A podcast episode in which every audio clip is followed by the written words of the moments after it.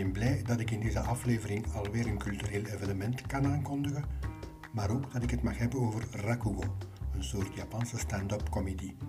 En dat ik de tweede aflevering over de Japanse geschiedenis heb klaargekregen.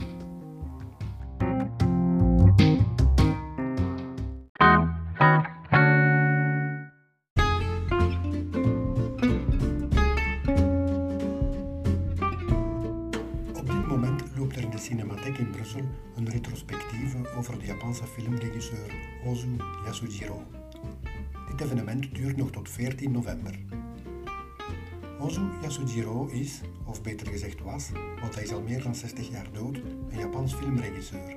Zijn bekendste film is Tokyo Monogatari, wat zoveel betekent als Tokyo Verhaal of Een Verhaal in Tokio. Een film uit 1953. Ozu maakte zowel filmcomedies als indringende familiedrama's die zich afspelen in de lagere Japanse middenklasse. Het zijn vooral deze laatste die internationaal weerklank vinden. Kenschetsend voor de regisseerstijl van Ozu is het opnemen vanuit een heel laag camerastandpunt. Ongeveer ter hoogte van het gezichtspunt van de gewone Japanner wanneer die thuis neerzit op zijn tatamivloer. Eigenlijk zijn veel van Ozu's films nogal statisch. Hij had niet veel op met allerlei filmische effecten en ingrepen. Voor hem was het vertellen van het verhaal het belangrijkste. Hij gedroeg zich als regisseur eerder als een observator dan als iemand die steeds ingrijpt omwille van een of ander cinematisch effect. In die zin doen de films van westerse regisseurs zoals Wim Wenders, Jim Jarmusch en ook wel Martin Scorsese ook aan het werk van Ozu denken. De cinematheek waar de Ozu retrospectieve loopt op dit moment bevindt zich in de Baron Horta straat nummer 9 in Duizen Brussel.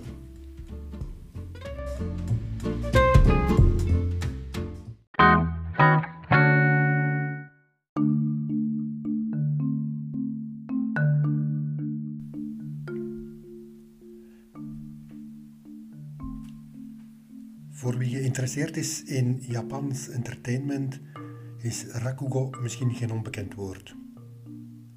Heel vrij is het vertaalbaar als sit-down comedy, met een vette knipoog naar wat wij kennen als stand-up comedy. Rakugo wordt ook wel eens vergeleken met een sitcom, maar dan een waarin één persoon alle rollen vertelt. Met de nadruk op vertelt. Stel je een aflevering van Thuis voor, maar dan verteld door één komiek die alle stemmen op zich neemt, een en ander met minimale middelen uitbeeldt en die zijn verhalen lardeert met, naar mijn mening, vaak nogal simpele humor. Rakugo is heel populair in Japan. Er bestaat zelfs een Engelse versie van. Voeg een paar links naar clips op YouTube toe in de show notes en op de Facebookpagina van Nippon Moshi Moshi zodat u zich een beter idee kan vormen van wat ik bedoel en van wat Rakugo eigenlijk is. Met het feit dat Rakugo, net als onze stand-up comedy, een vorm van entertainment is die bedoeld is om een publiek aan het lachen te brengen, houden de meeste vergelijkingen met iets wat wij in het Westen kennen echter zo goed als op. Humor in Japan is ook nog wat anders dan humor elders. De allereerste sporen van wat nu bekend staat als Rakugo duiken op in de 9e en de 10e eeuw toen boeddhistische monniken grappige verhaaltjes begonnen te vertellen om hun sermoenen te verteerbaarder te maken. Een aantal van de verhalen uit die tijd staan opgetekend in de Uji Shui Monogatari, een oude verhalenbundel uit het begin van de 13e eeuw. De precieze auteur ervan is niet bekend, maar het gaat om verhaaltjes bijeengeraapt uit heel de toen in Japan bekende boeddhistische wereld. Korea, China, Indië enzovoort. Het begon dus als een losse orale traditie, een die dan in de loop der eeuwen is gaan verstarren tot een vorm van vermaak voor de heersende klasse. Tot in feite niet meer dan monologen met een grappige inslag. Dat gebeurde waarschijnlijk op verzoek van de daimyo of de feodale heren, die onder de keizer lange tijd heer en meester waren in hun eigen streken en die professionele mensen zochten om hen te vermaken maar voor wie het ook belangrijk was dat het niveau van hun vermaak als beschaafder kon doorgaan dan dat voor de gewone volksmens. Het is pas in de 17e eeuw, in de Edo-periode, de periode waarin in Japan de stedelijke klasse, de handelsklasse, de belangrijkste klasse in de maatschappij ging vormen, dat de rakugo van entertainment aan besloten hoven zich verder is gaan ontwikkelen en bij de lagere klasse, de middenklasse, populair is geworden. Terwijl de religieuze oorsprong ervan totaal op de achtergrond geraakte. In de 17e eeuw ontstond het tal van toneelgroepen die rakugo opnamen in hun repertoire. In die tijd werd ook meer en meer van het repertoire op schrift gezet, wat de verspreiding ervan nog meer in de hand werkte. Rakugo-acteurs in de 17e eeuw stonden bekend onder de naam Hanashika of verhalenvertellers. De huidige term Rakugo en van de uitvoerder Rakugo-ka is pas algemeen in zwang gekomen in het begin van de vorige eeuw. Een van de pioniers als Rakugo-verteller was Tsuyu no Gorobei, die leefde en opereerde in Kyoto. Hij begon met kleine podia buiten aan de oevers van de Kamogawa-rivier te plaatsen, waar hij dan op vooraf bekendgemaakte tijdstippen ging zitten en voor geld grappige verhalen debiteerde. De zogenaamde Tsuji Banashi. Tsuji betekent langs de weg en Banashi is Hanashi, wat verhaal betekent. Een andere pionier was Hikohachi Yonezawa, die in Osaka een klein theatertje oprichtte waar hij eenzelfde vorm van entertainment presenteerde. Het is in feite deze laatste vorm, in een theateromgeving dus, die grotendeels is bewaard gebleven, of uitgegroeid tot, hangt er vanaf hoe je het wil bekijken, wat op de dag van vandaag ragogo is. Ook in die periode, de 17e eeuw dus, was er Buzaemon Shikano, die Kokkei Banashi, koldereske verhalen, opvoerde in restaurants en in andere publieke plaatsen in Edo, het huidige Tokio. Al dit soort mensen wordt tegenwoordig beschouwd als de grondleggers van het rakugo als genre. Al kan moeilijk worden gestaafd dat ze bewust en in medeweten van elkaar een nieuwe entertainmentvorm hebben willen creëren.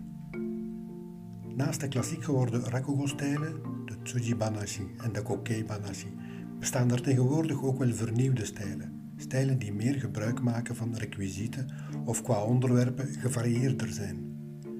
Dat maakt dat het genre op de dag van vandaag springlevend is. Steeds meer mensen gaan naar rakugo of gaan het zelf beoefenen.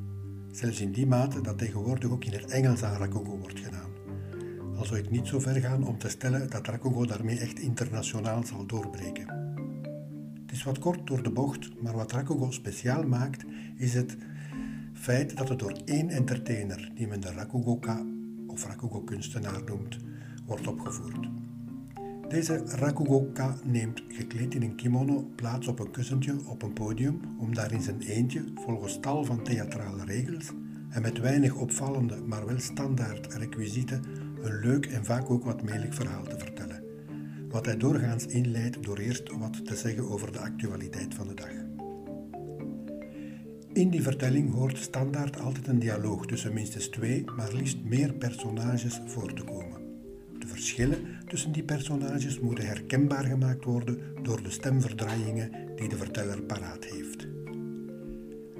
De standaardrequisieten die gebruikt worden in een rakugo-voorstelling zijn een traditioneel Japans handdoekje, tenugui genaamd, een opvouwbare waaier, de sensu, en een kussen waar de verteller heel de tijd op blijft zitten, de zabuton. De handdoek en de waaier worden veelal gebruikt om verschillende andere objecten waarover de verteller het in zijn verhaal heeft uit te beelden of te suggereren. Met de handdoek wordt al wel eens iets uitgebeeld dat opgegeten wordt, en met de waaier kan bijvoorbeeld het roken van een sigaret of lopen met een wandelstok worden voorgesteld. In de rakugo-traditie in Kyoto en Osaka gebruikt men soms bijkomende andere requisieten. Het gaat dan om kleine slagwerkinstrumenten, houten plankjes eigenlijk, die de uitvoerder bij zich op het podium heeft en waarmee hij zelf voor geluidseffecten zorgt. Wat ook typisch is bij een rakugo-voorstelling is de muziek die gespeeld wordt wanneer de verteller het podium opkomt. Ook weer heel standaard uitgevoerd op een shamisen, een soort Japanse luid, op een trommeltje of op een fluit.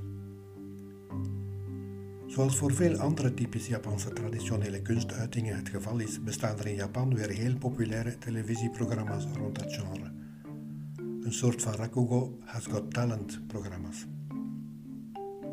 Eerlijk gezegd, zelf ben ik niet zo weg van Rakugo, maar het loont echt wel de moeite om er kennis mee te maken, ook als inkijk op de hedendaagse Japanse cultuur.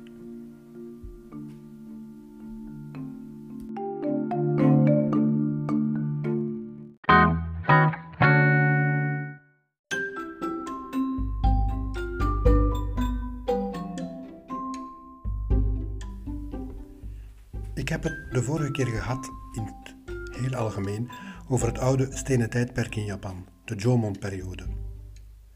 Nu ga ik verder met het tijdperk dat, met wat goede wil, beschouwd kan worden als de eerste concrete aanzet of misschien zelfs het ontstaan van wat later Japan zou worden, de Yayoi-periode. Afhankelijk van de bron wordt de Yayoi-periode beschreven als de tijd die de Jomon-periode, het oude Japanse stenen tijdperk dus, die die periode afrondt en die duurde van ongeveer 1000 of 900 voor Christus tot ongeveer 250 na Christus. Andere bronnen verengen de duur van de Yayoi-periode op zich tot meer precies van 300 voor Christus tot ongeveer 300 na Christus. Maar wat de periodisering ook mogen zijn, het tijdvak dankt haar naam aan het gebied in het huidige Tokio, waar archeologen aardewerk vonden dat zo verschilt van wat er tot dan toe gevonden was, dat men er ineens een nieuwe periode in de Japanse geschiedenis mee is gaan definiëren. De Yayoi-periode dus. De Yayoi-periode was de tijd waarin de rijstteelt geleidelijk steeds geavanceerder en belangrijker werd voor het overleven van de toenmalige bevolking van de Japanse eilanden. Het is de periode waarin de gestage overgang van droge naar natte rijstteelt min of meer afgerond raakte. Dat proces vond plaats tussen het moment waarop de vroege Japanners voor het eerst in contact kwamen met rijst en het aanbreken van de tijd dat Japan in grote mate een agrarische samenleving mag worden genoemd. De introductie van de natte rijstteelt op de Japanse eilanden voltrok zich, ook alweer afhankelijk van de bron, tussen 1000 jaar en 300 jaar voor Christus. Wat daar ook van zij, de Yayoi-periode wordt gezien als de tijd waarin de overgang naar natte rijstteelt zich finaal voltrok en dit parallel met een verschuiving van zich overwegend op jacht en vruchtenpluk als bron van voeding te richten in belangrijke mate een, landbouwgerichte samenleving te gaan vormen. De mensen op de Japanse eilanden werden in de Yayoi-periode dus ook overwegend sedentair. Het sedentair worden bracht met zich mee dat er ook meer tijd en energie kon worden gestoken in de ontwikkeling van andere technieken. De Yayoi-bevolking begon met het delven naar en gebruiken van brons en ijzer om geavanceerde en duurzamere gereedschappen en wapens te kunnen maken. IJzer en bronschieten deden hun intrede en men hoefde gaandeweg niet langer te vertrouwen op items die vanuit China of Korea hun weg naar het eiland vonden. Het is dus niet alleen dat er een nieuwe en stabielere voedselbron ontstond, de rijst dus, maar door de technologische vooruitgang in het vervaardigen van en de kwaliteit van die dagelijkse voorwerpen werden de Yayoi-mensen betere jagers en handwerkslieden dan hun voorouders. Rijst ging niet zomaar andere voedingsbronnen vervangen. Nee, het dieet van de Yayoi-mensen bleef erg gevarieerd. Vis, zeevruchten, vruchten, noten, vlees enzovoort. Het aardewerk in het Yayoi-tijdperk, vergeleken met dat van in de Jomon-periode, werd ineens veelvormiger qua uiterlijk en onderging grote kwalitatieve verbeteringen. Met betere baktechnieken konden ze hun vuren op veel hogere temperaturen brengen en daarmee hardere en duurzamere potten bakken.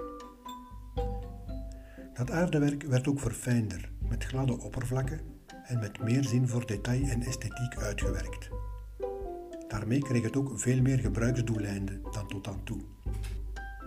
Het diende zowel om in te koken als om voedsel te bewaren, om te begraven en als voorwerp bij diverse rituele handelingen. De hoogwaardige kwaliteit van veel van het Yayoi-aardewerk doet ook vermoeden dat de vervaardiging ervan steeds meer een taak werd van getalenteerde specialisten of ambachtslui, in tegenstelling tot dat van de Jomon-periode, toen iedereen, elk huisgezin, zelf maakte waar het nood aan had. Ook de wooncultuur van de Yayoi-mensen verschilt hemelsbreed van die van de Jomon. Hun dorpen leken meer op de nederzettingen in China en Korea, waarvan de culturele invloeden in die tijd ook sterker werden in Japan. In tegenstelling tot het leven in overdekte kuilen, wat min of meer de praktijk was van de Jomon-mensen, bouwden de Yayoi huizen met ovale, aarden muren en met balken gestudde daken.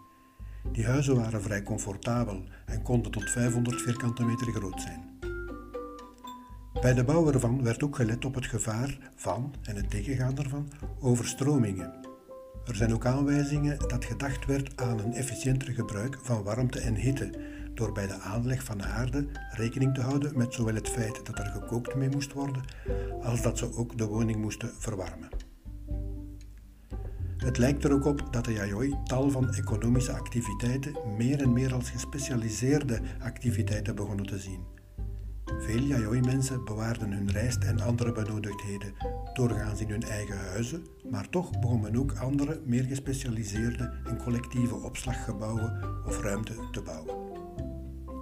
Zulke evolutie impliceert dat waarschijnlijk ook de samenlevingsstructuren geleidelijk aan meer hiërarchisch werden. In plaats van eerder los en egalitair leiderschap begon men in kleine gemeenschappen leiders te accepteren of aan te duiden. Het is op die manier dat de dorpen en leefgemeenschappen uitgroeiden tot grotere entiteiten en her en der tot embryonale rijkjes of staatjes. Dat is een belangrijke verschuiving, de leiders die bevoegd waren om beslissingen te nemen over het beheer van de grond en dus over de voedselvoorziening van de gemeenschap, werden op een of andere manier steeds meer geaccepteerd als praktische gezagsdragers, wiens rol algemeen geaccepteerd werd. Zo ontstonden de eerste elementen van maatschappelijke en politieke hiërarchie. De bevolking op de toen bewoonde Japanse eilanden schat men tegenwoordig op zeker meer dan 200.000. Zulk steeds maar aangroeiend getal van mensen en van groepen van mensen die zich schaarden rond specifieke leiders betekenen dat conflicten over land, voedselproductie en alles wat met behoeften in dat verband gepaard ging, grootschaliger konden worden en collectiever. Tegen het einde van de Yayoi-periode zien we dat gemeenschappen met gemeenschappelijke belangen met hun leiders samenkomen en allianties en confederaties beginnen te vormen om zich tegen andere soortgelijke groeperingen af te zetten of te verdedigen. Grotere conflicten werden op die manier gebruikelijker. Deze allianties begonnen meer en meer op staten te gelijken. Sommige historici verwijzen naar deze periode, einde Yayoi dus, ook wel met de naam de tijd van de rijstkoninkrijken wat erop duidt dat voedsel een belangrijke bron van conflict werd.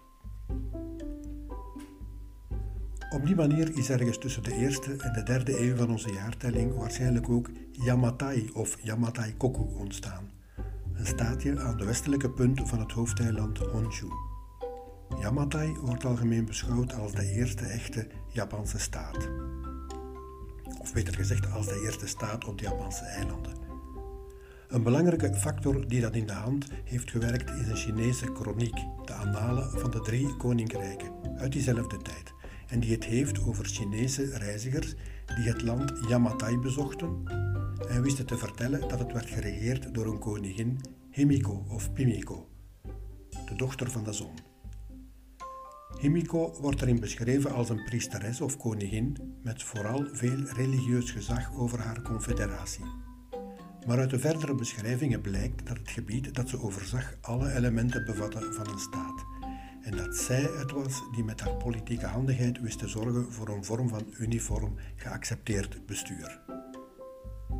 Op die manier toont deze Chinese schriftelijke bron dat er op dat moment in Japan een echt land, zo het al niet bestond, toch zeker in de maak was. Verder beschrijven die kronieken dat koningin Himiko minstens twee keer enkele van haar dienaren als gezanten naar China stuurde en er geschenken uitwisselde met het grote buurland. Gebaseerd op die historische gegevens menen historici te mogen zeggen dat Himiko regeerde tussen 189 en 248 na Christus. Ik heb wat illustraties over de Yayoi-periode op de Nihon Moshi pagina op Facebook gezet en de link daarvan staat ook in de show notes.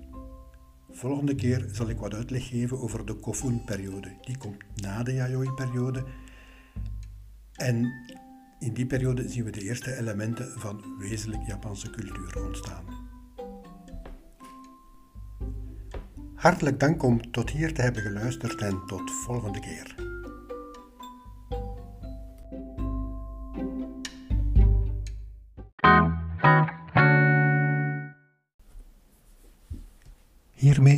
Het einde van deze aflevering. Bijkomende informatie en foto's bij de onderwerpen kan je vinden op de Nippon Moshi Moshi pagina op Facebook. Ook met commentaar, opmerkingen, aanvullingen, vragen of met tips voor onderwerpen die ik zou kunnen behandelen, kan je daar terecht. De precieze link hiervoor vind je terug in de notas bij deze podcast. Je kan natuurlijk ook mailen naar nipponmoshimoshi.gmail.com. Tot volgende keer.